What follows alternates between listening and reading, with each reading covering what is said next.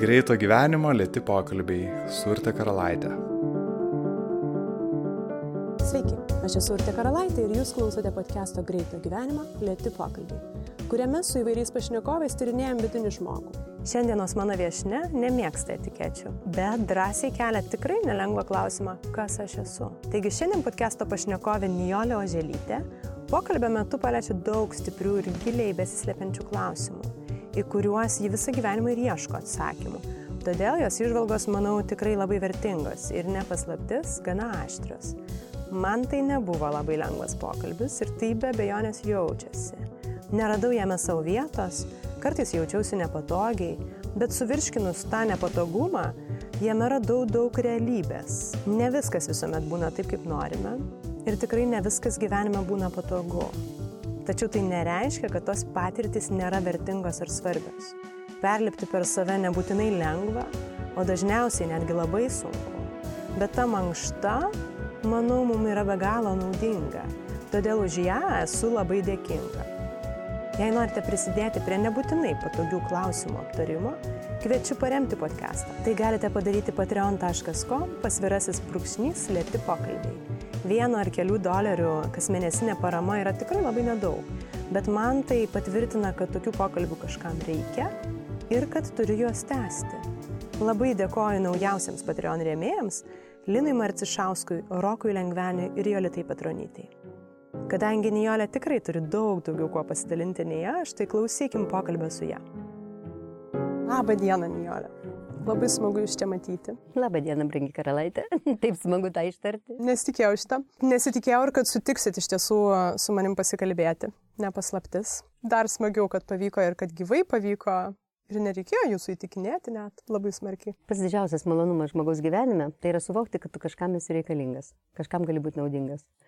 O kadangi aš savo gyvenimą nugyvenau taip, na, stipriai savotiškai, tai vienintelė nauda iš manęs, kuri gali būti dabar, tai yra pasidalinimas savo patirtim su jaunesniais žmonėmis. Todėl kiekvienas kvietimas man yra tiesiog kaip apkabinimas, kaip bučinys, gyvenimo prasme iš tikrųjų.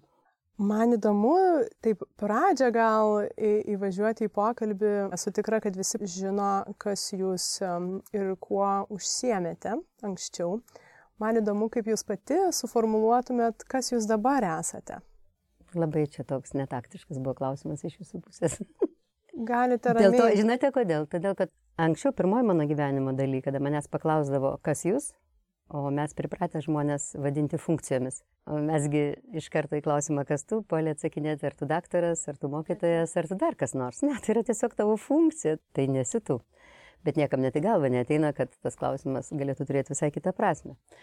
Tai va, tai pirmoji gyvenimo dalykų met manęs paklausdavo, kas aš, tai tada ir rizikuodavo sugadinti santykius su manim. Jeigu tai būdavo žmogus, nu, nepažįstamas ne iš Lietuvos, nes mane labai anksti pradėjo spausinti kino žurnalo viršeliai, ten, nu, ta prasme, kad žinomumas iš karto pasidarė didžiulis, bet diskomfortas to, ko aš užsijėmiau, nes aš nemoku vaidinti, aš nesu aktorė ir man tas, va, aš netgi sakau tą žodį ir mane visą persuka.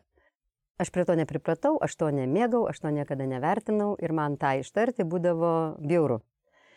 E, viduje turėjau didelį tokį konfliktą su savimi, nes aš supratau, kad aš esu tada niekas, nes mano požiūris dar tada nebuvo tiek gilus, kiek aš čia anksčiau sakiau, kad e, paklaustas žmogus kas tu, turėtų susimastyti apie tai, ką jis veikia žemėje ir kokia čia jo kokybė. Ne, aš tiesiog galvoju, kad visos kitos profesijos, visi kiti užsiemimai, jie turi turinį, turi prasme. Ir negėda pasakyti, kad pavyzdžiui, tu esi mokytojas, O šitas mano užsiemimas toks mano nevertinamas dėl to, kad aš labai anksti suvokiau, kad jisai nėra savarankiškas, kad aktorius nėra joks menininkas, kad praktiškai režisierius tave naudoja kaip priemonę tam, kad galėtų pailustruoti, sukurti tokį pasaulio vaizdą, kokio jam reikia, kad tu esi labai priklausomas, kaip kokia nekinga mergaitė sovietiniais laikais šokių saliai Čia aš save turiu omeny, kadangi buvau ryža mažas trasdanota, negraži, niekas nekviesdavo šokti.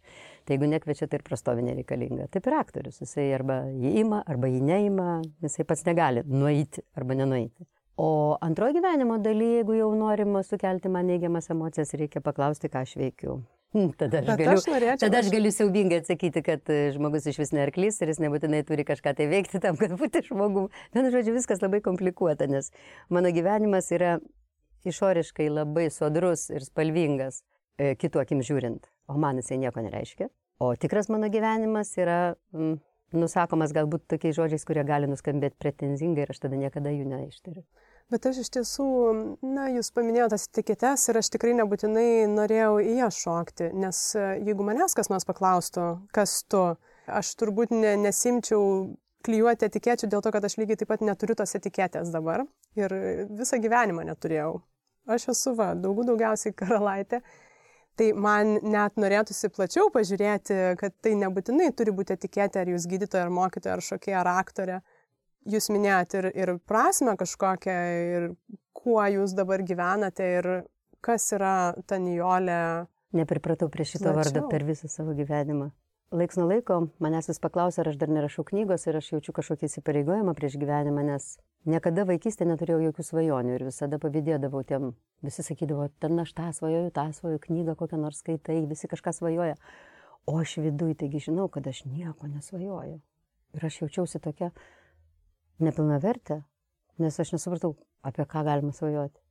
Ne dėl to, kad aš viską turėjau, kaip tik aš nieko neturėjau, aš buvau vienišos mamos, labai neturtingos, su labai dramatiška istorija, kurią aš sužinojau jau po jos mirties dukra.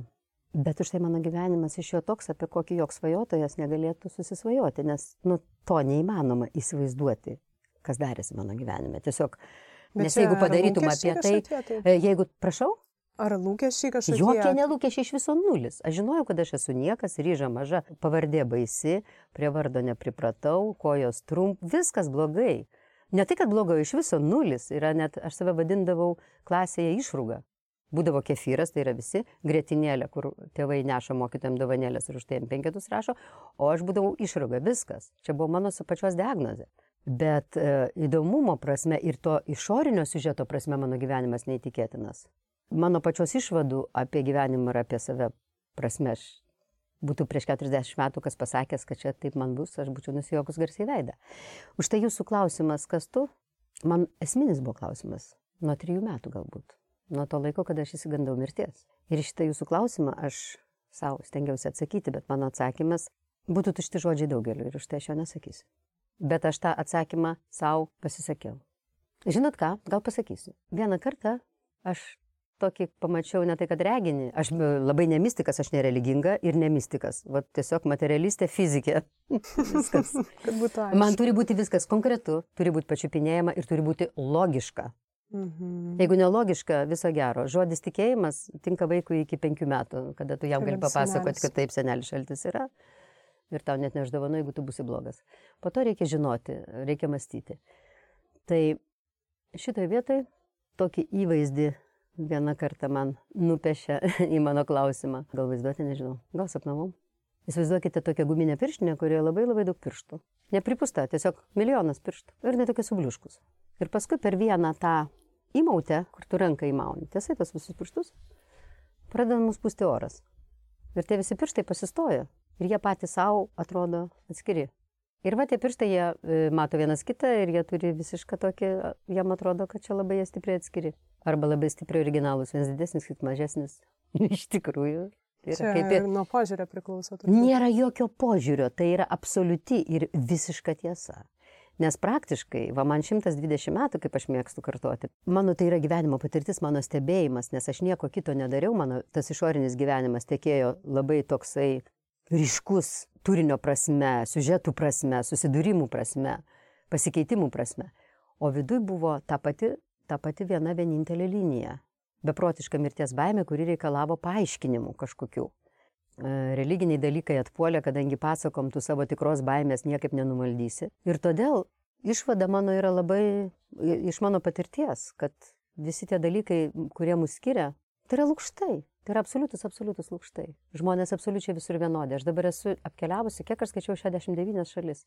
Nes kaip jau manęs neišleido iki 40 metų sovietai niekur, net į Lenkiją. Na tai jau dabar aš atšokstu.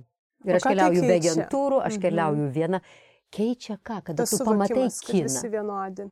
Keičia viską, nes tada tu supranti, kad tavęs nėra paprasčiausiai. Vertė, savivertė. Tavęs nėra. O kas tuomet yra?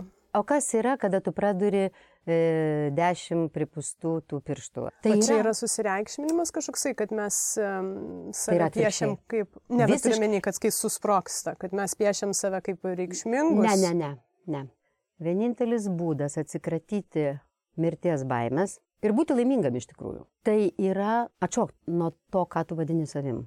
Juk mes netgi nežinom, ką mes vadinam savim. Va žiūrėkit, nu jūs čia mane priversti šnekėti, tai ko aš nenoriu šnekėti. Neturi Ne tai, kad nieko- nenoriu, bet, Mm. e, nu matot, čia nėra tokio pasirinkimo. Tu šiai aš kalbėti nemėgstu, aš geriau pasidėsiu su savo šuniuku, bet aš labai bijau kalbėti tų žodžių, kurie man turi praktinę reikšmę, o jie gali nuskambėti labai pretenzingai, aš nenoriu nieko klaidinti ir papikinti. Bet iš tikrųjų, kol tau atrodo, kad tu esi labai atskiras ir kad tu esi toks, koks esi, kadangi tau taip suinstaliavo nuo vaikystės, kad tu turi būti toks, tu turi pasiekti tą, tu turi padaryti tą, tau tiesiog kaip, kaip berazumi kompiuterį tau suinstaliavo tavo siekius ir tu net nepagalvoji, kas tu esi. Ir jeigu tu pradedi galvoti, kas tu esi, tada aš sakau, tu prieini va tokios išvados, kad o ką tu vadini savim? Kūną? Ir kad tu esi niekas. Ne, nu palauk, nu tu vadini Mhm. kūną savim. Ne, aš radau kitą nu, tokį palyginimą, kadangi aš bendrauju daug. Ir man reikia vis dėlto kiekvienas supratimas ir kiekviena patirtis, jeigu jinai neverbalizuojama, jeigu tu neįdedi jos į žodžius, tu negali pasidalinti.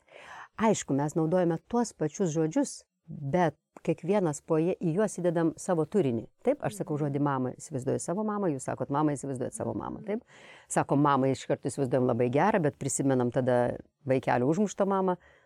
Suprant, čia yra tokie dalykai, kad kiekvienas į žodį įdedam savo turinį.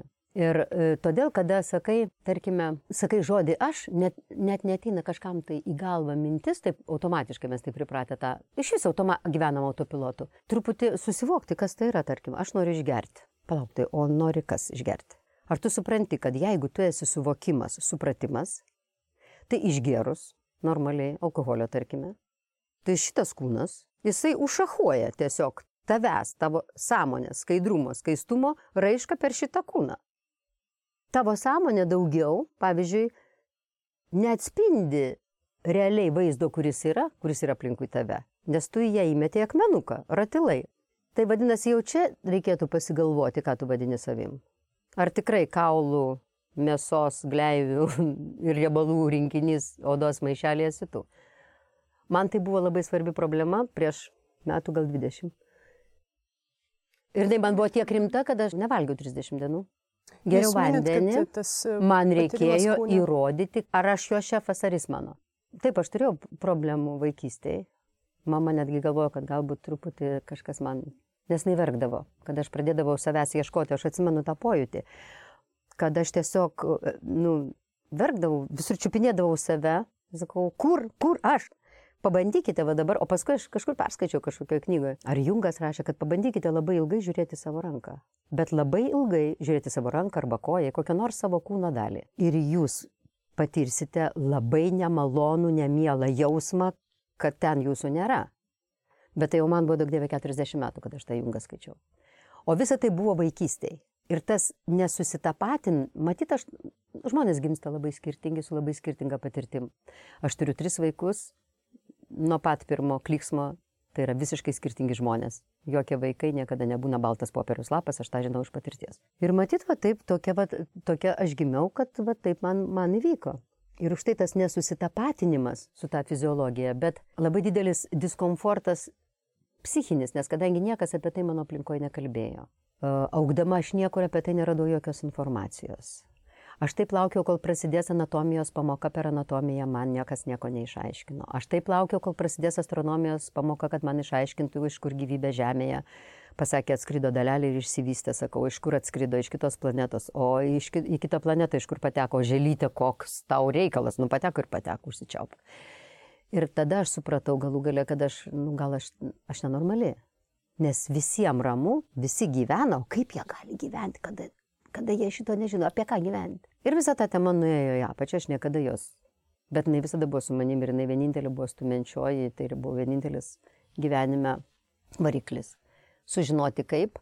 Ir aišku, būdavo momentų, kada aš suprasdavau, kad niekaip. Ir tada, nu, bet tai buvo paauglystė, aš turiu tą dienoraštį ir tada tiesiog aš rašydavau, kad aš labai niekinu save, kad aš negaliu pasibaigti, nes gyvenimas prasmės neturi ir gyventi suvokiant tai yra kvaila, nes labai skauda. O dabar jūsų santykis su kūnu jau vis tiek. e, Ne, viso gero, ne, tai apie- nėra, tai man tos 30 dienų, matot, Aš galvojau, pavyzdžiui, jeigu reikėtų figūrą taisyti, ar būčiau tiek pribadavus, nes tai neįmanoma kančia pirmas dvi savaitės. Tikslas Siūlau niekam. Turite omenyje. Ar... Absoliučiai tikslas. Tikslas padaro viską. O tiks... patikslink, koks tikslas jūsų visgi buvo tuo metu? A tai vis dėlto mes dujame, ar ne? Man reikėjo suvokti atskirumą, man reikėjo jį pajusti. Nes aš esu iš tų žmonių, vat netikinčių, kuriems e, gražų žodžiai, pasakymai apie rojų, apie Dievą, apie ką tik tu nori. Man reikia pačiupinėti, aš tada nustoju bijoti. Suprantat, man labai jokingi daugelis žmonių, kurie labai tiki Dievą, bet bijo, kad numirs jie ir numirs jų vaikai. Tai kokio velnio tu bijai? Taigi pas dievulį nueis, taigi šimtą kartų geriau negu čia. Nu. Nes tai tikėjimas, jeigu tikras, jis turi naikinti baimę, mirties, nebūties, artimųjų netekti. Turi tuštų tą pačią sekundę, jeigu jis tikras. Bet man tokių neteko sutikti.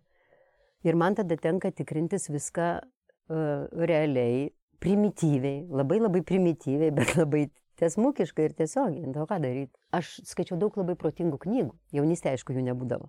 E, bet vėliau, nors teko ir labai tokiuose sudalyvauti, aš dabar prisiminiau, nu, dramatiškose dalykuose čia Vilniuje, to dvasingumo paieškose, čia net lavonas vienas buvo.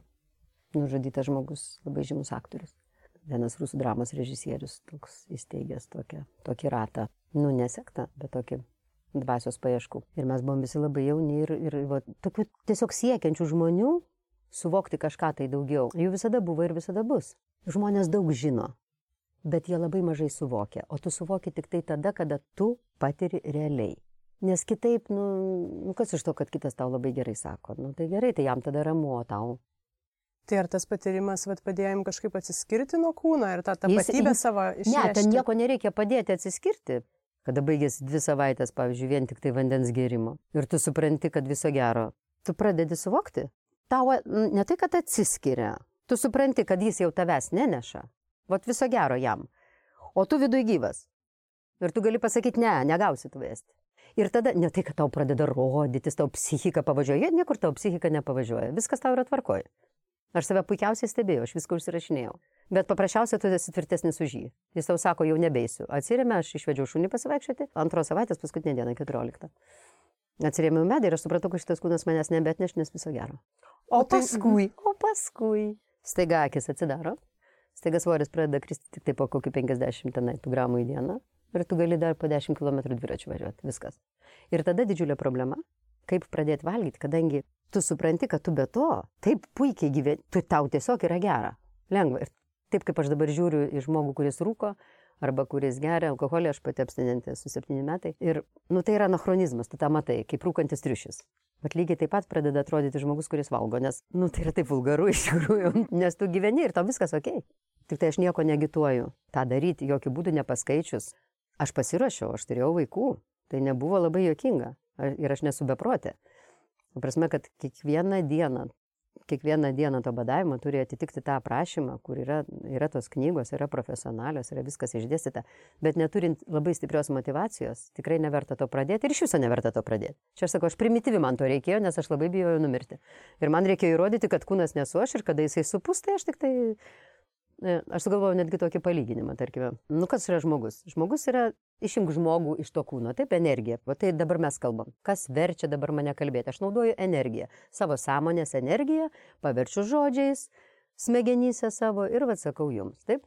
Tai va ta energija, jinai kaip elektra. Jinai yra. Kūnas yra, tarkime, lemputė. Kol neįjungi jungtuko, tol neužsidega protas, šviesa. Jeigu lemputė yra kūnas, jos tie degliukai yra smegenis ir šviesa susijungia elektros tais, pum, proto šviesa įsijungia, taip? Ir viskas yra tvarkoje. Dabar perdega lemputė. Pim, viskas nutrūksta. Nu, ant jos gali dabar, nu, mes anksčiau koinės adydavom, bet dabar niekas koinų nedo, pigios, aiškiai, išmetant. Ar dinksta kur nors elektra? Man vienoje auditorijoje vienas studentas pasakė, nu taip, bet tai ją sugeneruoti reikia. Žmogau, tai jeigu jos nebūtų, tai tu jos nesugeneruotum. Jinai yra visur ir visada. Kaip, kas, kodėl į tą klausimą e, gali tik tai spekuliantas arba sektantas arba niekšas, kuris gali, nori tave išnaudoti arba paimti iš tavęs pinigų, arba psichiškai nesveikas, gali tau papasakoti kaip. Nes pasakoti kaip, tai lygiai taip pat kaip kiaušinį. Vat, pavyzdžiui, guli kiaušinis. Taip, guli kiaušinis, va čia dabar pas mus gulėt. Ir jūs jam pradėtumėt pasakoti, tu žinai, po dviejų savaičių tu iš vis bėgiuosi, cipsiesi, tu būsi geltonas, gyvas ir šiltas. Jisai savo tam būvyje, kada jis nejudrus, kada jisai šaltas, kada jisai negyvas iš tikrųjų, jisai neturi kategorijų tų, kaip bus. Turi susitaikyti su proto ribotumu ir turi susitaikyti su tuo, kad kaip, nu pamatysi kaip. Bet logika tau sako šimtų procentų. Energijos tvarumo dėsnis. Energija iš niekur nesima ir niekur nedingsta. Sąmonė yra energija. Kūnas nu, yra skafandras. Dar minėjot, e, tai po kelių savaičių, kad jūsų kūnas fizinis liktai dinksta jėgos, bet jūsų vidinis Taip, žmogus tai buvo momentas. Stiprus. Taip. Ar nebuvo momentų, kad iš tiesų, nes aš įsivaizduoju ir psichologiškai, ir emociškai turėtų paveikti ir tą vidinį žmogų čia, kad jisai išliko stiprus? Tada, kadangi jau nebėra, nebėra jėgų fizinių koketuoti ir kažką tai kurti, svarbiausias buvo tik tai tas pojūtis, kad tu supranti, kad jūsų abiejų toj, nu, nepasakyčiau, dvikovoj, Bet praktiškai stovėjime ir žiūrėjime į akis kas ką, nes jisai sako, duok valgyti, duok valgyti, duok valgyti, nes nenešiu tavęs. O tu sakai, neduosiu, neduosiu, neduosiu, gali nenešti, bet aš įrodysiu, kas čia šefas. Yra tas pojūtis, kada tu supranti tą dvilypumą. Aš bijau sakyti to žodžio, Nes iš karto galima sakyti, nu tai va, šizofrenija, smegenys pavažiavo ir čia susidvėjino asmenybės ir taip toliau. Už tai aš praktiškai va pirmą kartą taip e, smulkiai apie tai kalbu, nes tai yra spekulacija, negalima iš tikrųjų apie tai kalbėti. Nes tai yra tavo asmeninė privati patirtis, kuri išsakyta žodžiais, jinai kitam neduoda nieko. Dėl to Labai man reikėjo tą daryti. Mhm. Tai visai neindividualu individualaus iš viso nieko nėra, tai yra melas, Šiuo tai yra atveju. fikcija. Suprantat, tai yra tos socialinės asmenybės, kuriuose mes kendime, mes jas vadiname individualumu. Bet ar manot, kad kiekvienas kūnas taip pat reaguotų šitoje... Aš žinau, kad kiekvienas kūnas yra skafandras. Taip. Kiekvienas, visiškai kiekvienas. Bet galbūt mano kūnas, pavyzdžiui, pasiduotų anksčiau, arba mano vidinis žmogus net laikytų įtampą. Aš kalbu ne apie tai. Aš, už tai aš ir niekam nerekomenduoju to daryti. Aš sakau apie esmę, kad mes visi esam absoliučiai vienodi. Kad nosis yra skirtingo ilgio, kad odos spalva yra kitokia, kad patirtis yra kitokia, nereiškia lygiai lygiai nieko. Ir tada man tapo labai laisva, kalbant apie tą pirmą klausimą, kada mes kalbėjom, kas tu. Nes kada aš nerasdavau savo atsakymą į klausimą, kaip, aš suprasdavau, kad aš niekas, artistė kažkokia, tai man tai būdavo kaip įžeidimas. Kadangi man tiesiog tapo aiški pati žmogaus struktūra, Va tai, ką mes vadinam individualumu, tos socialinės asmenybės, iš tikrųjų kaukės. Mes išeinam į tą pasaulį, į sociumą ir mes vienas su kitu santykiaujame. Na, kaip liktai mes būtume labai tokie atskiri, mes iš tikrųjų slepiamės. Kaip tie selfiai su čyzu amžinu. Iš tikrųjų, naini verkti, o po to nusigeri ir pasikari arba dar ką nors padarai. Tai yra toks žaidimas, bet tai nėra nei iš piktos valios, nei iš dar ko nors. Žmogus yra tebe evoliucionuojanti būtybė, bet evoliucionuoja jinai ko gero ne tiek fiziologiškai, nors aš manau ir fiziologiškai. Aš beveik esu tikra, kad po kokių 50 metų moteris negimdys. Tikrai negimdys. Man atrodo dar greičiau, o nuo to keisis ir fiziologija, ko gero. Pirma knyga, kokią aš perskaičiau, man buvo turbūt kokius 17-18 metų ta tema, tai buvo Xeroksu atspausdinta rusų kalba Svami Vivekanando Žnani joga. Žnana joga tai yra išminties joga. Ten kažkas atvežė iš Maskvos. Bet jau kur buvo apie kažką tai daugiau, negu apie tai, kad tu tarybinis žmogus ir tu turi mylėti Leniną ir iš viso būti ateities komunizmo statytojas. Viskas man tenai labai patiko, labai mane sukrėtė, nes galų gale aš radau kažką tai, kas kalba apie tai, kas man rūpi. Bet mane labai supykino viena tokia frazė, kad jūs iš karto jau visi esat, nu, tipo, dieviški, tobuli. Nu, jeigu aš tokia būčiau, tai irgi aš čia dabar kankinčiausi savo menkystę ieškodama. Nu, kodėl tu taip meluoji? Jeigu mes jau esam tokie, nu, tai visi žinotumėm, tai pasakyk, kaip dabar save atrasti, kaip pasijusti tuo, bet dabar jau tobulu, nu, ir nereikia čia dabar tiek kankintis. Labai pykau ir galvau, kad čia toks na, pliurpalas toksai, tokia grožybė, tokia poetika, tokia filosofija. Nu, tyčia gražų žodžiai. O iš tikrųjų pasirodo, ne. Bent jau tiek aš dabar savo gyvenimo galėt supratau. Kad iš tikrųjų mes savo, va tą mūsų sąmonės energiją, tas, kas yra tikras žmogus, kaip mes save suvokiame, jinai kaip, kaip laiptai. Ir tavo smegenys suvokia save iki tam tikros pakopos. Ir jeigu tu tą protą lavini taip pat, kaip galima lavinti kūną, juk kūną mes lavinam, taip? Einam ten, bėgam, prisitraukinėjam. Na, vienu žodžiu, fizinį lavinimą lankom vos ne nuo darželio. Pasirodo lygiai taip pat privalu treniruoti ir protą, kad jisai tavim nevisgintų. Juk iš tikrųjų mes gyvename tam pačiam pasauliu, vienodam pasauliu, taip? O mūsų būsena skirtinga. Ir jinai priklauso dažnai ne visai nuo siužeto. Jinai priklauso nuo to, kaip mes iš vidaus į tai žiūrime. Bet kadangi niekas mūsų dar nemokė, dar ne ta išsivystimo stadija žmonijos, kad jau antiek subtiliai galėtų save suvokti, kad mokytų vaikus nuo pat mažens save valdyti. Nors aš jau mačiau, kad tie pradmenys yra. Tarkime, aš buvau Malazijoje, buvau tokioje elitiniai mokykloje, kur jau pirmoji klasėje vaikai vaidino. Čia buvo pirmos klasės galas. Jie vaidino spektaklį. Tarkime, ateina vaikas namo, barbar bari duris, jis atneša blogą pažymę, atidaro mama, jis pasako, kad pažymys blogas, iš mamos iššoka. Viską vaidina vaikai. Dvi mergaitės, ant kurios vienoje parašyta piktis, ta prasme, suskaido į emocijas. Tie vaikai su savo vadovu pastatė spektaklį, kaip dramatiškose situacijose, kas darosi jų viduje ir kad tos emocijos tai nėra jie patys, tai yra tai, kas iš jų iššoka ir tada kaip jas valdyti ir Kaip reaguoti? Malaizijai. Bet tai pirmiausia, kad tai nesi tu. Taip, taip. Tai va taip, taip, bet tą reikia mokyti daryti. Iš to kyla dalykas, kad tu gali tas emocijas savyje atvardyti, kad tu gali savo protą priversti dirbti taip, kaip tau reikia, o kada nereikia, iš vis nedirbti. Kada tu gali priversti savo protą nenusižudyti, kada tave palieka mergaitė arba berniukas. Ta, ta prasme, kad tai yra absoliučiai valdomi dalykai. Tai vat, man atrodo, kad dabar mes ir esame ties tą išsivystimo riba, kada žmogus nuo to išorinio pasaulio pažinimo, mes apie išorinį pasaulį žinome labai daug, va čia dabar jau iš viso ten juodas skylės, o pats savo žmogus yra absoliučiai juoda skylė. Jisai gimsta į pasaulį, jam papasakojo, ko jisai turi siekti, vidury gyvenimo jisai supranta, kad grabiais tą matį ir jam to visai nereikia, jis pradeda gerti ir galų galę pasikeria, net jeigu jo sėkminga artistinė karjera, jo meilužė jaunesnė už jo dukrą. Nes nei kas jis, nei kas tas, va, šitas visas gyvenimas toksai, nu toks iš tikrųjų trumpas. Anksčiau esate minėjus, kad tas gyvenimas jums yra nekomfortabilus ir jūs kažkaip nepatogiai Ne, čia. nepripratau, irgi ne. Įdomu, kas būtent, e, galbūt kas čia labiausiai trukdo ir, ir ar jūs norėtumėt, kad būtų komfortabilus? Aš žinau, kad aš niekada nenoriu čia grįžti daugiau. Jis negali būti komfortabilus. Nu, jis negali. O kam jisai skirtas tada? Aš tai manau, kad čia yra pataisos darbų stovykla. Aš šiandieną mačiau, ar vakar, e, kaip e, Arabų Emiratuose sutiko popiežių ir dar šiandieną nauji metai, ar vakar čia buvo tie e, kiniški mhm. ir išklausiau Dalai Lamos e, sveikinimą. Arabų Emiratų šeicho ir Romos popiežiaus susitikime aš mačiau tokį norą geranoriškai vienas į kitą pažiūrėti. Dalai Lama sako lygiai tą patį, viešpati Dieve, pasistengim, pasistengim būti geri, kito kelio nėra. Ir aš savo tokią bjaurę išvadą, net į Facebooką norėjau dėti, po to išbraukiau, sakiau, negadinsiu žmonėm, kad žemėje nėra teisingumo ir nieko gero čia nėra. Bet čia yra ko gero vienintelė vieta, kur to galima išmokti. Nes labai skauda, kada to nėra. O tu pradedi mokytis ko nors tik tada, kada tau labai labai labai skauda.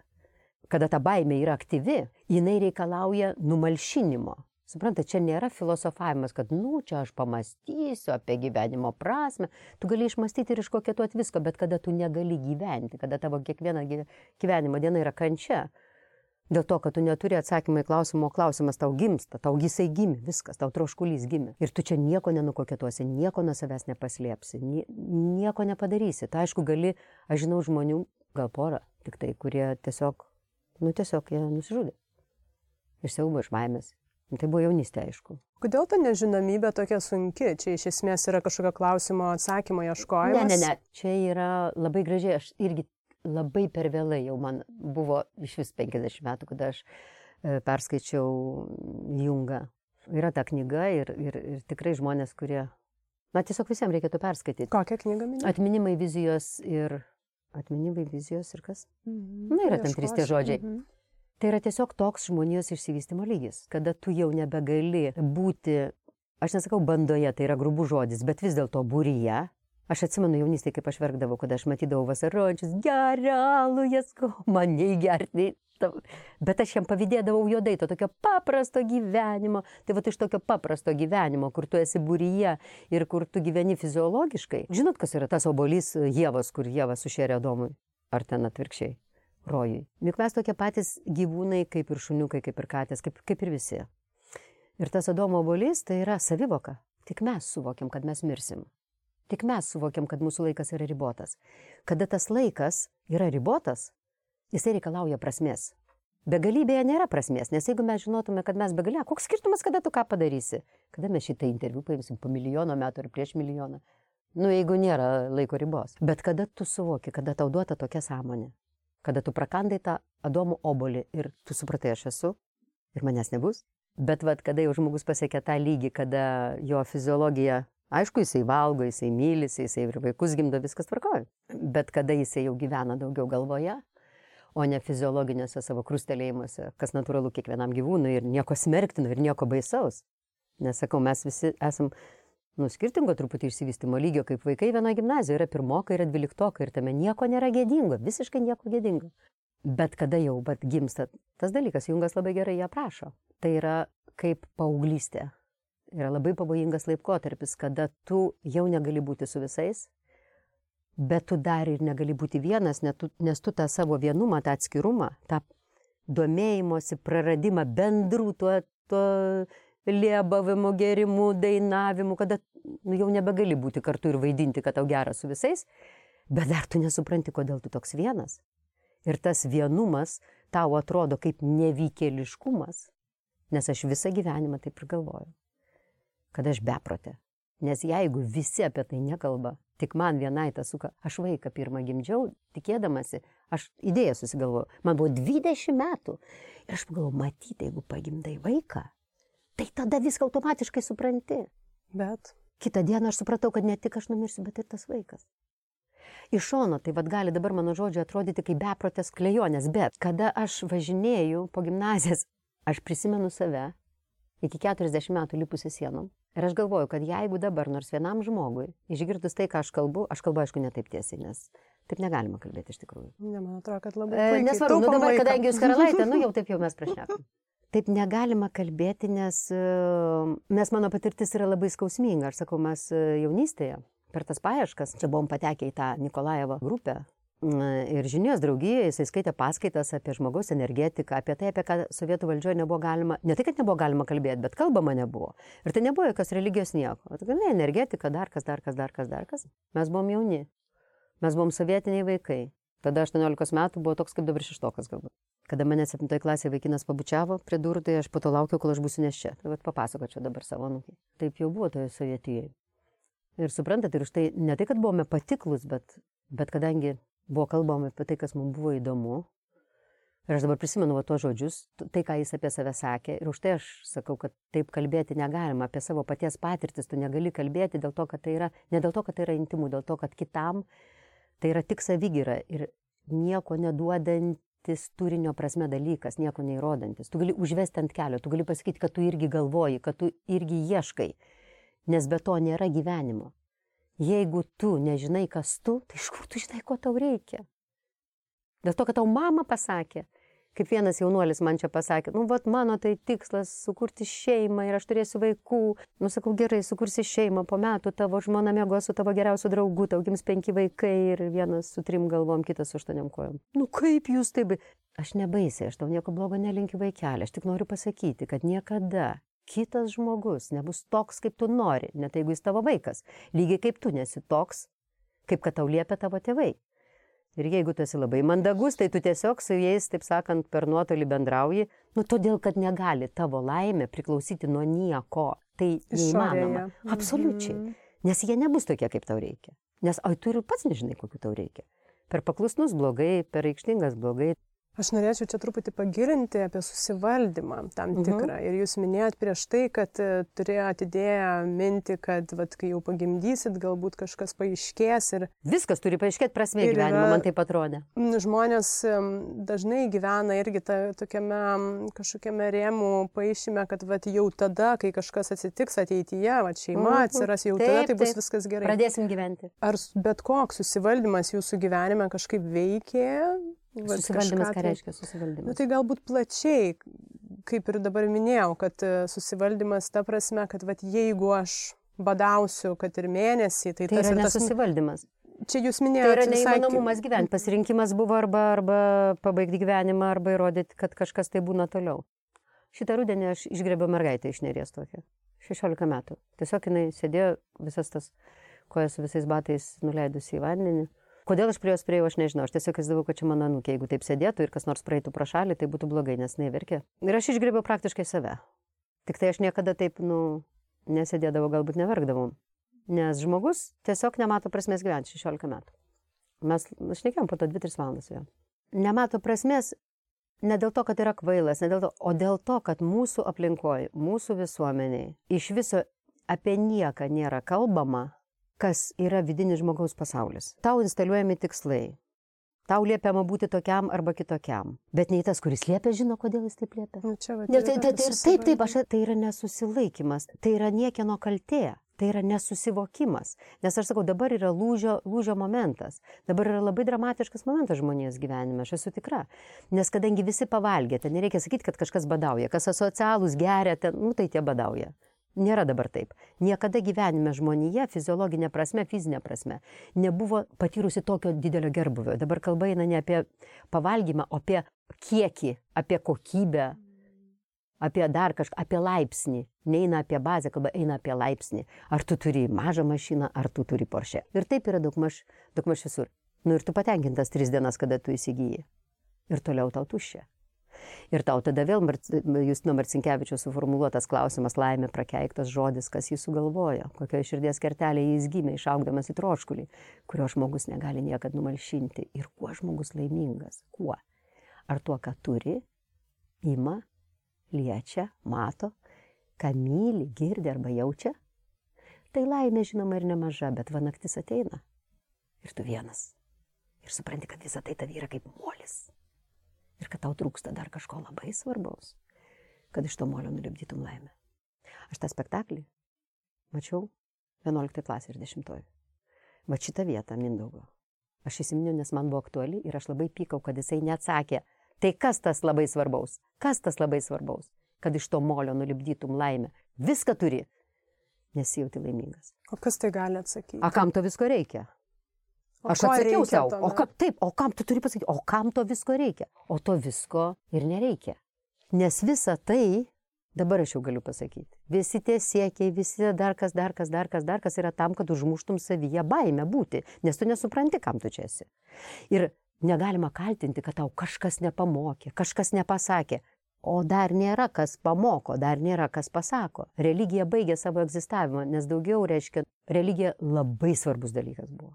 Perėjime nuo tokio fiziologinio savęs suvokimo į tai, kad esi žmogus, ne tai, kad esi kūnas, o tai, kas yra tavo galvoj, tai buvo labai svarbu tam pereinamam etape, kaip gelbėjimusi kokia lemenė, kad tu nebijok žmogau, reiškia, ta fiziologija čia baigėsi, bet tu patikėk ten kažkas yra toliau, bet viskas.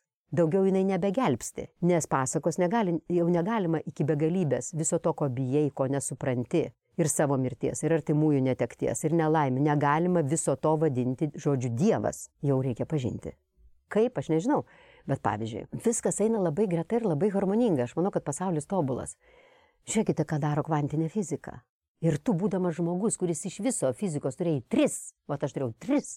Ir tu klausai tas paskaitas per YouTube. Mokslininkų, o ne idiotų, kurie tenai apsimetė, reiškia, tais, nes tų mistifikatorių būrėjų, nu, sodinčiau į kalėjimą iš tikrųjų, nes tiek žmonių gyvenimus sunaikino. Kvantinė fizika sako tą patį, dėl ko aš taip labai pykau ant to budizmo. Ir tą patį, ką aš jums kalbėjau apie pirštinę. Ir kalba tai prieinama forma, kurią gali suprasti kiekvienas normalus žmogus, jeigu jisai domisi, na, kiti YouTube. Raskite teda, bet raskite tikrus mokslininkus. Ir tada yra už ko užsikabinti. Tik tai nereikia turėti tiek fanaberijos, kiek turi kaimo babutės, kurios pasako, nu šito tai niekas nežino. Nu taip, nu taip, kaime pas tave niekas nežino kinų kalbos. Tai nereiškia, kad jos iš viso niekas nežino. Protas negali pagimdyti klausimo, kuris didesnis už atsakymą, nes protas yra ribotas. Jeigu tau gimsta klausimas, atsakymas yra, turėk kantrybės. Žinau, kad čia tu kvailas, bet kol kas tu jo neradai. Nes jeigu atsakymo nebūtų, tu klausimą tokio nebūtum, negalėtum iškelti, suformuluoti jo negalėtum. Ir tada visas tas labai spalvotas, labai dramatiškas. Ir aš sakau, jeigu serialą galima būtų padaryti iš mano išorinio gyvenimo, visi sakytų, nu taip negali būti. Kai kurių ten dalykų tiesiog konkrečiai taip negali būti. Bet aš jame nebuvau, man jis nebuvo įdomus. Ir vat kokia išvada, man atrodo labai svarbi, kada dabar visus instaliuoja Tu privalai būti sėkmingas, tu turi tą pasiekti, tu turi tą pasiekti, tu turi tą pasiekti. Žmonės įvaro į tokį siaubingą, siaurą kažkokią tai, aš nežinau, į kažkokį tai tunelį siaurą. Kas ten žino, kuo tu turi būti, kas ten žino, ką tu turi siekti. Tai yra visiškas, visiškas absurdas. Ir tada žmogus, reiškia, tik tai tuo siaurų tuneliu eina, visiškai nematydamas jokių galimybių aplink. Tai vad aš esu pavyzdys. Aš niekada gyvenime neturėjau svajonių, jokių nes aš žinojau, kad aš antiek niekinga, kad su manim tiesiog nieko negali įvykti ypatingo gyvenime. Ir aš niekada ne prie vieno siužeto savo gyvenime neprikišau nagų. Aš į aktorinį stojau. viską palikot. Ne tik, kad palikau, aš buvau išrūga, aš nepalikau. Aš iš Tikslai, viso ne... tikslų Jokių tikslų. O dabar? Kokių tikslų? Jokių. Tai dabar dar juokingiau. Bet vienas dalykas - neturėti tikslo dėl to, kad tu supranti, kad tu esi niekas. Nors yra tikslas. Visą tai, ką aš jums sakiau, aš darau su savimi. Aš dirbu su savo smegenim, aš dirbu su savo prieraišumais. Aš visą tą darau. Bet aš nenago neprikišau prie savo gyvenimo siužeto. Ir už tai aš noriu pasakyti, kad gyvenimo siužetas, kuo mažiau tu save programuoji kažkokiais siaurumui kažkokiam, tuo daugiau tu matai galimybių kiekvieną dieną, jeigu tu neturi jokios siekėmybės ir jokio, tu matai visą šimtą procentų tave supančių galimybių ir tu renkiesi. Galbūt tu norėjai būti mokytoja, bet atėjo Kernagis ir sako, kuris mokėsi va čia 23 mokykloje, buvo vyresnis dviem metais. Sako, Hebra, nu vis tiegi sako, visi gauna tas pačias algas. Vat ar tu profesorius, ar tu gatvė šluoji, ar tu esi inžinierius. Tai sako, reikia ieškoti tokio darbo, kuriame būtų mažai darbo. Artistas dirbti nereikia. Pasikokia tavai uodega pasukinėjai ir tu gavai savo tą algą ir dar laisvas esi ir dar visi tave pažįsta. O realybėje? Kokia motivacija? O, o Jėzau, da- dar niekaip. Tave ima pagal tipažą. O dabar toks tipažas, vat, paima, mano profesorė man sakė, želytė, taip man jūsų gaila nijolė. Nes tais laikais, jeigu tarybiniam filmė reikėjo pavaizduoti kokį nors labai blogą personažą, tai buvo ryža ir su žemu balsu. Sako, jūs tokia nedidelė. Sako, toks jūsų tipažas, dar toks jūsų balsas, o Dieve, sako, jūs tik ištvirkelės vaidinsit. Ir aš prisiekiau savo. Aš tą atsimenu iki šiol. Aš nekenčiu savo balso. Aš pirmą kartą, kada pamačiau save ekrane, aš galvojau numirs. Po to aš visą savo aktorinę karjerą bijojau, kad žmonės pamatys, kad, kad iš tikrųjų tai aš tuščia iš viso. Ką reiškia tuščia? Nu, aš nemoku visai vaidinti, kad visa tai yra nesąmonė. Kad jūs rimtai tai nežiūrėjot? Tai aš iš viso niekaip į tai nežiūrėjau. Čia buvo tik tai savimėlės reikalas, žinot, anksčiau būdavo tokie bandymai. Į vieną vaidmenį bandydavo bent penkiais, šešiais, tave pofilmuoja ir taip toliau po to tave į mane. Tai vad man, vad kada bandymai ištinka ir viskas, man daugiau filmo gali nebūti. Nes tada aš jau laimėjau, mano savimėlė patenkino ir viskas. O toliau man kankinė neįdomybė ir bjaurybė. Ir į save ekrane žiūrėti nebegali. Tai aš sakau, už tai visada, kada tu neturi kažkokio tai konkretaus tikslo, į kurį tu esi užsišahavęs ir lieki kaip arklys su šuorais, kad tu nematai jokių savo kitų galimybių, tai tu viską pralaimi gyvenime, nes tave tai taip suinstaliavo. Tas, kuris iš viso nežino, kam tu gabus, gal tu Mozartas, o tau liepia būti inžinierium. O tu, kadangi lieki į tą inžinierystę, tai tu net nematai, kad yra gaidos, kur tu galbūt būtum laimingas visą gyvenimą. O jeigu pažiūrėti dabar vat, į visą, na, ilgą ir spalvingą visokiausią jūsų gyvenimą ir jūsų jaunystę, kur mhm. minit tą pasimetimą, nežinomybę, jeigu galėtumėt kokį nors vieną elementą vat, paimti ir pakeisti dabar, kuris galbūt būtų, nežinau, ar palengvinęs, ar pa... A jų nėra, jokių kitur. elementų nėra. Gyvenimas yra absoliučiai tobulas. Kiekvienas absoliučiai žmogus daro geriausia, ką jisai gali, net jeigu tai yra Vladimiras Putinas arba Saulis Kvernelis. Jiem atrodo, kad taip yra geriausia. Netgi tas žudikas, kuris žudo žmogų, vat jam atrodo, kad taip yra geriausia. Mes viens nuo kito skiriamės vien tik tai to, kaip toli mes matom savo veiksmų pasiekmes. Antrą kadenciją, kada buvau Seime, aš supratau, kad aš visai ne vietoje ir nelaiku, nes numirti už tėvynę nereikia ir tą veikti aš neturiu ką. Nes skaityti statymus tai virš mano jėgų, aš geriau mirsiu už tėvynę. O numirt man lengva, o vat skaityti ne. Ko čia nepateisino, ko jūs norėjot iš tos veiklos? Autopiloto aš jau kažkaip tai. Aš gyvenime niekada nedirbau. Mano pirma darbo vieta buvo aukščiausia taryba. Ar galite įsivaizduoti? Tarybų valdžioj, jeigu tu nedirbi savaitę, tave sodina už veltedystę. Poetas Brodskis sėdėjo. Jisai sakė, aš poetas, aš poetas. Kaip tu sako, tu poetas? O kur tavo darbo vieta, kur tavo knygos? Maršė kaliuzė. O aš niekada nedirbau. Aš tik tai filmuodavausi, aš niekada nebuvau jokiame tate. Šita veikla, jinai buvo didvyriška pirmą kadenciją. Nes tikrai kada aš lėkiau visa nešia ir palikusi du mažus vaikus ir besikeikianti vyrą namuose sausio 13. Vien dėl to, visai ne iš didvyriškumo ir ne iš tevinės meilės. Aš tik tai įsivaizdavau tą momentą, kada visus užmušo, aš viena liksiu gyva ir žmonės sakys mano kalvario apygardai, nu išrinko artistai, net numirti su kitais nesugebėjau. Aš lėkiau, kad tik suspėčiau greitai skubiai numirti. Režisierius Zubavičius mane atvežė staigiai vidurį nakties, nes neturėjau nei mašinos, nei transportas kažkoks tai vaikščia.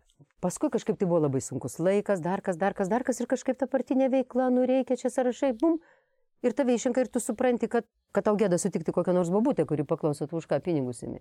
Ir aš tada nuėjau žmogaus teisų komitetą, ten sukūriau tą e, grupę įkalinimo įstaigom ir aš įkalinimo įstaigose labai didelę patirtį tai įgyjau. Va tada aš ir supratau, kad mes vienas nuo kito skiriamės, tuo kiek mes toli suvokiame savo veiksmų pasiekmes. Nu, pavyzdžiui, ten masė žmonių sėdėjo tokių absoliučiai primityvių žmonių. Tai, o jis nori išgerti, jis išeina į gatvę, duoda babutė per galvą, paima pinigus ir išgeria. Ant rytojaus ateina policininkas, jį suima ir pasodina į kaliuzę. Taip. Jeigu jisai, jeigu jo protas neštų, kas bus po to, kiek jam reikės sėdėti kaliuziai ir dar už tai, kad jis užmužė babutę, ką su juo darys kaliniai, jis atsigertų vandens iš krano. Va tiek jisai užgrebė toli matyti savo veiksmų pasiekmes, jis apie jas negalvoja. Jis galvoja fiziologiškai. Ta žmogienas, kuris reikiančius vaikus sumetė į šulinį, O tie trukdė, jie rėkė. Tu, tu. Tai nėra pateisinimas. Bet aš išmokau suprasti vieną dalyką, kad didžiausia klaida - savimi matuoti kitą. Aš taip niekada nepadai. Taip. Tavęs motina už alaus butelį savo kompanionam netiduodavo nuo dviejų metų seksualiai išnaudo. Tau daug kas, daug kas, daug ko nebūtų. Tai nepateisinimas, tai supratimas priežasčių, kodėl žmogus taip pasielgia ir kitaip pasielgti negalėjo. Nu, va taip yra. Sunku į kitą klumpės iššokti. Ir tu negali iššokti. Tu tiesiog turi suvokti, kad nėra stebuklų pasaulyje, nieko nėra be priežasčių. Bet tas pasakymas iššokti kito klumpės, įsivaizduok, kaip ten, nei tu gali įsivaizduoti, nei tu iššoksti, čia truputį yra toks blefas, truputį poezija yra. Empatija. Irgi blefas poezija ir šitą žodžio nekenčiu. Empat. Nu, pfu.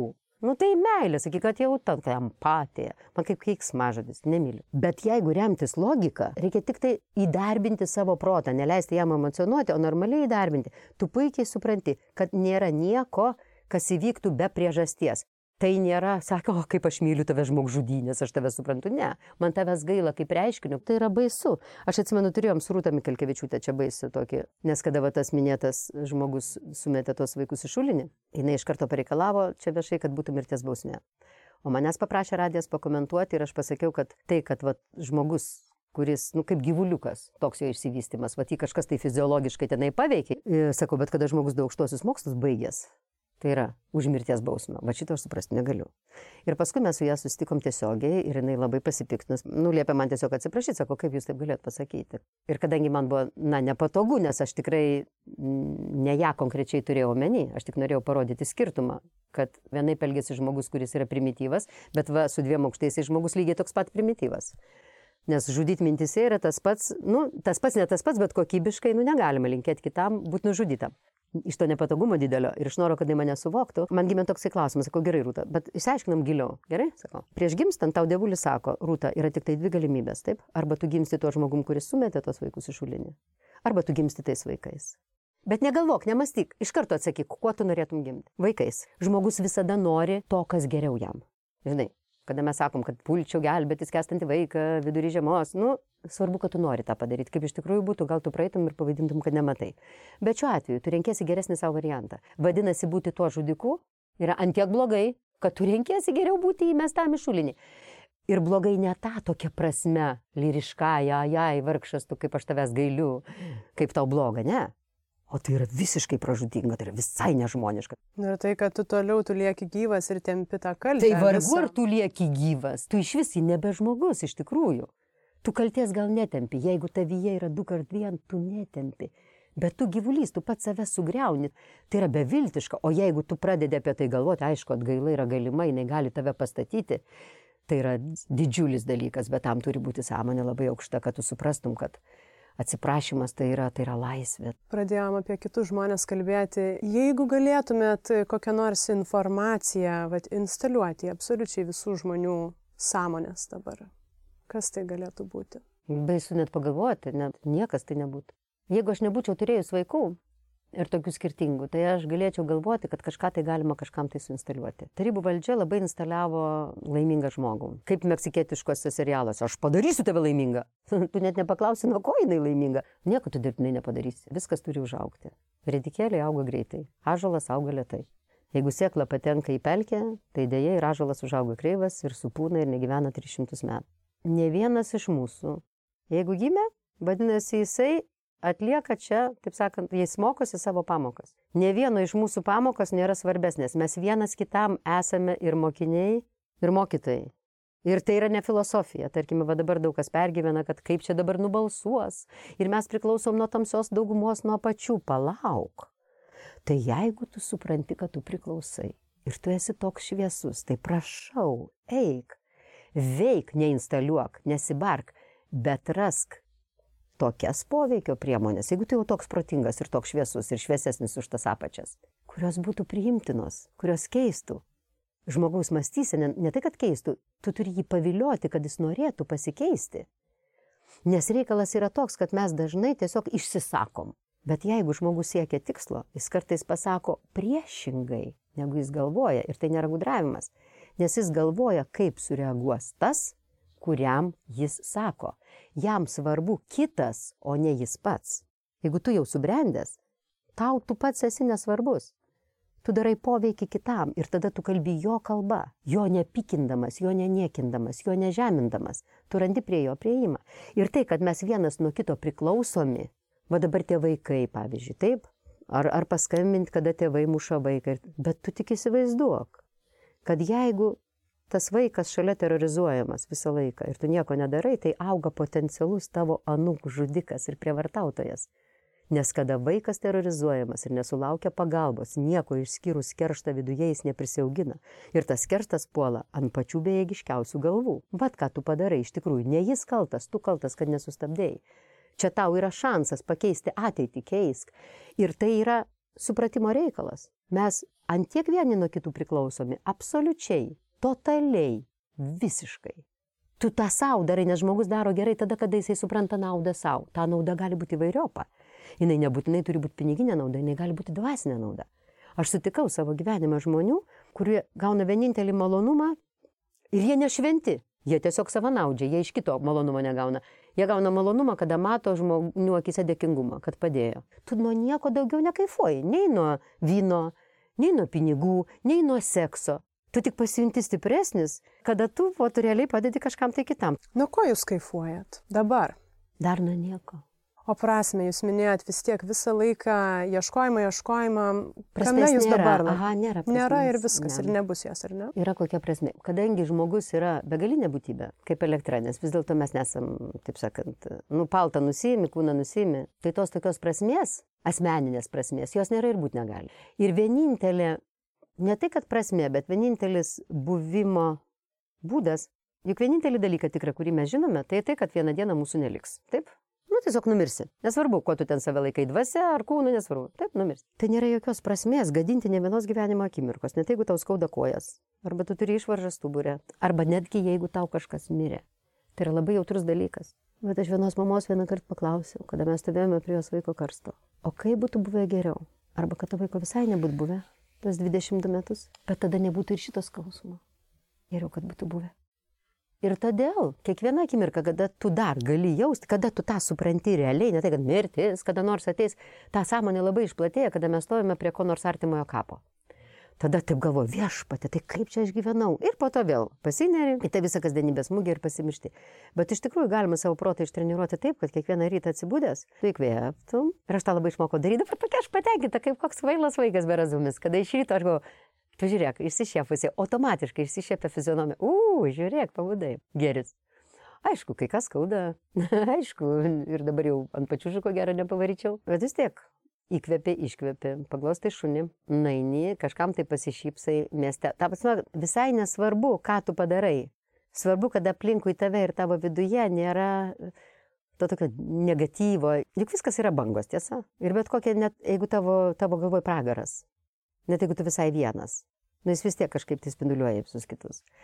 Ir vien tas žinojimas, kad tu gali spinduliuoti arba pragarą, arba rojų, tai yra geris, nu. Jeigu tu nieko jau didesnį negali padaryti. Ir vėlgi tai yra visai ne filosofija. Kada tu išmoksti savo smegenis būtent taip veikti, tai jos taip ir veikia, nereikalaudamas nieko labai specialaus. Nei pasimatymo, nei meilės, nei susitikimo, nieko specialaus. Net jeigu Dievas yra, ko aš nu, netikiu. Juk tai, ką tu padedi į praeitį, pat mūsų pokalbio pradžia jau praeitie. Tai net jeigu Dievas yra, jis nepakeis. Yra nekintamų dalykų. Tai, koks tu esi ir kiekvieną tą savo akimirką palieki praeitie nekintamą, va tokios kokybės, arba gerą, arba blogą, arba kakoji pasaulį ir prismardini, arba padarai kvapesnį, nuo tavęs priklauso. Tam tu turi jau tada būti laisvas nuo noro noro kažką turėti. Tas ubagas, kuris sako, kad jis nenori pinigų, jisai ne tai, kad meluoja, e, bet jisai tokiu būdu nori savo menkumą, taip sakant, e, kažkaip tai subalansuoti. Tu negali žinoti, ko tu nenori, jeigu tu to neturėjai. Tai, ką aš laikiau didžiausiu savo trūkumu, aš sakau, nuo vaikystės, ko aš labiausiai gėdinuosi, kas mane labiausiai slėgė, dėl ko aš naktimis nemiegojau, va tas nesugebėjimas gyventi ramiai, nebijant mirties, nesuvokiant prasmės. Ir pasirodo, tai buvo didžiausia gyvenimo dovana, nes neleido ne per vieną sekundę prisirišti arba sureikšminti to, kas kitiems žmonėms būtų siekiamybė. Jūs galite įsivaizduoti vienišos mamos dukra, kuri turi nu visą tai išoriškai netgi ko nieks nepavydėtų, trumpas kojas ryža plauką, baisę pavardę. Ir paskui tai, kas gyvenime, nori artistė būti. Va, ach, tu tu politika, va, a pinigų. Buvo toks momentas, kada aš pardaviau žemę ir aš buvau milijonierė. Tai tas pabandymas. Ir tas pabandymas, tarkime, pinigų turėjimas man buvo ypatingai įdomu, nes jau koko, o pinigų gyvenime, gyvenime niekada mano mama alpdavo iš bado jeigu man nupirkdavo batus. Ir tada tu supranti vieną dalyką. O Dieve, tai kokį gyvenimą gyvena tie turtingi žmonės. Aš vieno turtingiausio iš jų klausiau, kiek laiko per dieną tu gali skirti savo, nepakeldamas telefono ragelio. Jisai atsakė gal pusvalandį. Ir aš tada supratau, tai ne tai, kad atsakomybė, tai yra tokia baisi kupra, tai yra, tai yra košmaras. O kiek laiko jūs savo skiriate per dieną? O kas yra savo, jeigu aš jums pasakiau, kad manęs nėra? Paminėta pusvalandį verslininkas skiria, tai visgi nežinau, vis tiek jūs vat esate, aš tikiuosi, kad jūs čia esate. Galima sakyti, kad aš viską skiriu savo, bet galima sakyti, kad nieko skiriu savo. Aš savyje nematau nieko. Aš savęs iš vis nematau. Ir kuo labiau aš nematau, tuo geriau aš jaučiuosi. Kai atsiribuojat nuo tam tikros... Ne, man nereikia atsiriboti. Ne, o nėra nuo ko atsiriboti. Na, vertės kažkokios. A, jokios vertės. Nėra. Ne, ne. Kokia vertė? Nulis. Savimeilės, ego. Nulis. Taip kad aš, aš prie išvados tokios, kuo mažiau manęs yra, ko, ko aš, aš nieko nenoriu savo, aš galiu numirti šią sekundę. Nors jūs ir sakot, kad nekaifuojat, ar dar neradot ko kaifuoti. Man labai strigo ir jūsų pasakymai tokie, na, neįvardinimas galbūt to kaifavimo, bet e, mėgavimasis e, tomis akimirkomis, kaip ir ryte atsibudimas ir kad mes pasirenkam ar ne, ką skleisti. Arba gerą, pasirenki, tai tu dar esi tas, kuris treniruojasi. O kada tau išeina savaime, su protu padirbėti yra labai reikalingas dalykas. Nes kitaip, nu, nėra šansų. Visa tai, kaip mes matome pasaulį, yra, yra iš vidaus. Ir išoriniai tie patys įvykiai, vienas taip vertina, kitas taip vertina. Vienas iš nelaimės pasidaro mokytoja, o kitas iš laimės pasidaro nelaimė. Ir čia nepriklauso nuo jokios genetikos, nuo nieko. Čia priklauso nu lygiai nuo to, ant kiek mes sąmoningai valdome savo smegenis. Bet vėlgi, kol tavęs neužknyso šitas gyvenimas toks autopilotų juodai, kol jis tavęs nepribaigė, tu nepradėsi gyventi kitaip, tau nepasigamins energija. Tu kalbėsi apie tai, tu dar, kad ten filosofuosi, tu šiaip palsi liežuviu. Bet kada jau tave prispirs, kada tu negalėsi kitaip. Jūs manot, Tada kad tu ir turi pradėsi. pasiekti dugną žmogus, sieną kažkokią. Nėra jokio dugno, yra negalėjimas kvepuoti, negalėjimas gyventi, yra nematymas prasmės niekame. Aš žinau, kaip buvo man. Kiekvienam gal būna skirtingas tos situacijos suvokimas, bet jeigu tu nori gerti arba tu nori sisioti, tai apie ką tau bekalbėtų, čia tau Dievas nužengtų iš dangaus, čia tau kas be pasidarytų, tavo vienintelė svajonė nueiti į tualetą. Suprantat, viskas ir niekas kitas tavęs nebepatenkins, bet tai turi būti natūraliai. Natūraliai išaukti turi. Ir išauga. Ačiū Jums, Nijolė. Buvo labai įdomu. Ačiū, brangioji Nors karalaitė. ir kontroversiška ir, ir visai, bet tikrai įdomu. Na, mišrainė. Dėkui. Mišrainė irgi skanu. Bet nelabai sveika. O, žiūrint, ką ten įdėsi.